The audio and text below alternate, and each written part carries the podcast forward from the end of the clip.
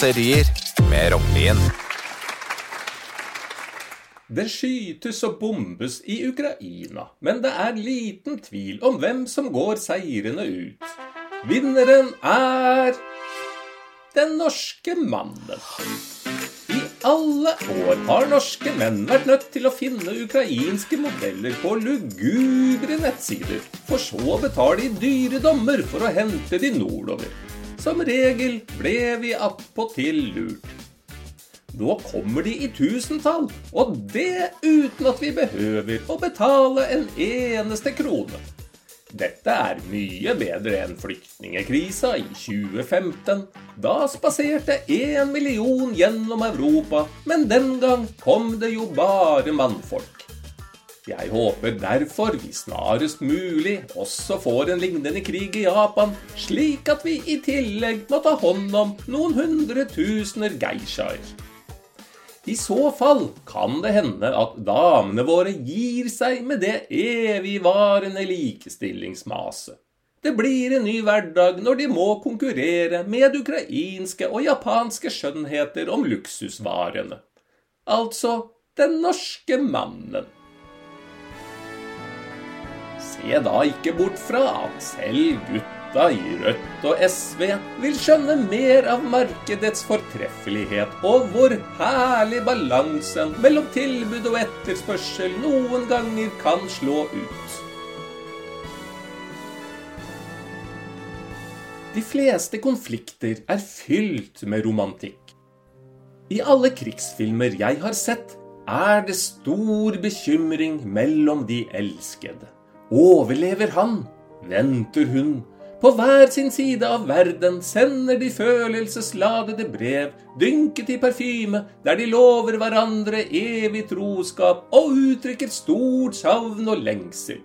Ja, du hørte riktig. Følelsesladede brev, savn og lengsel. Men hva er det den russiske soldaten sender hjem til sin kjære? Han sender dasser! Og ikke bare én og to, men en hel haug. I snart ett år har russerne ribbet alle ukrainske hjem de kommer over, og sender demonterte toaletter hjem med posten. Nå har jeg studert såpass med antropologi at jeg vet jeg skal vise forståelse for at ulike kulturer kan ha utviklet forskjellige kjærlighetstegn. Men dette er nå det rareste. Tenk deg at du har opprettet en profil på Tinder. Som kvinner flest drømmer du om romantikk, og du finner den store kjærligheten i Øst-Europa. Ikke bare ser han ut som en modell, men han er også interessant, velkledd, morsom og åpenbart rik. En dag banker det på døren, og der står en representant for Bring som overleverer deg en romantisk gave fra din nye flamme. En dass som attpåtil er godt brukt. Tipper det er siste gang du søker etter menn fra Moskva. Kanskje vi norske hannløver ikke er så ille allikevel. Ikke rart damene flykter hals over hode fra Ukraina hvis dette dette er hvordan østeuropeiske menn uttrykker sin kjærlighet.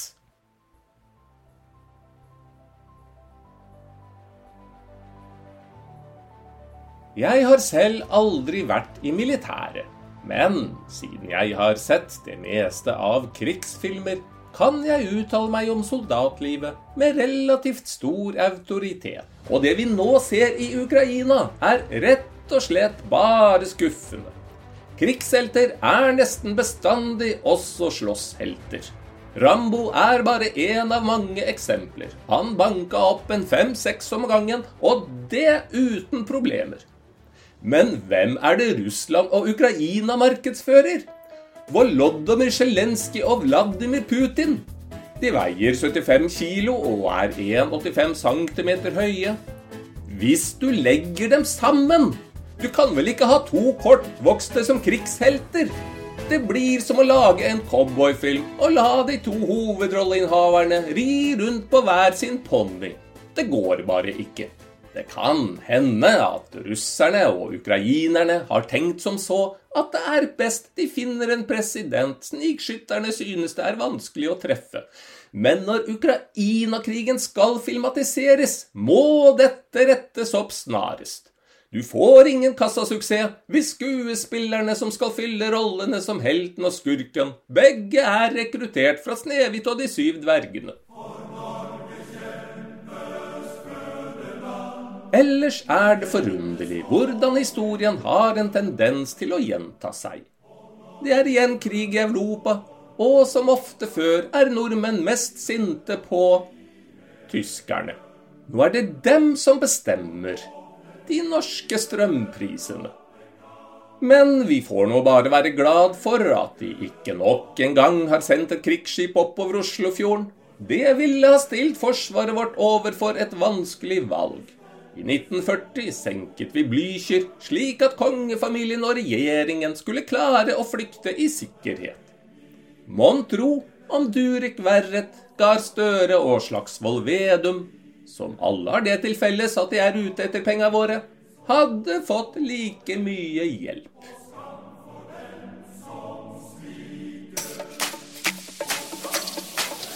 Du har lyttet til Kuriøse kåserier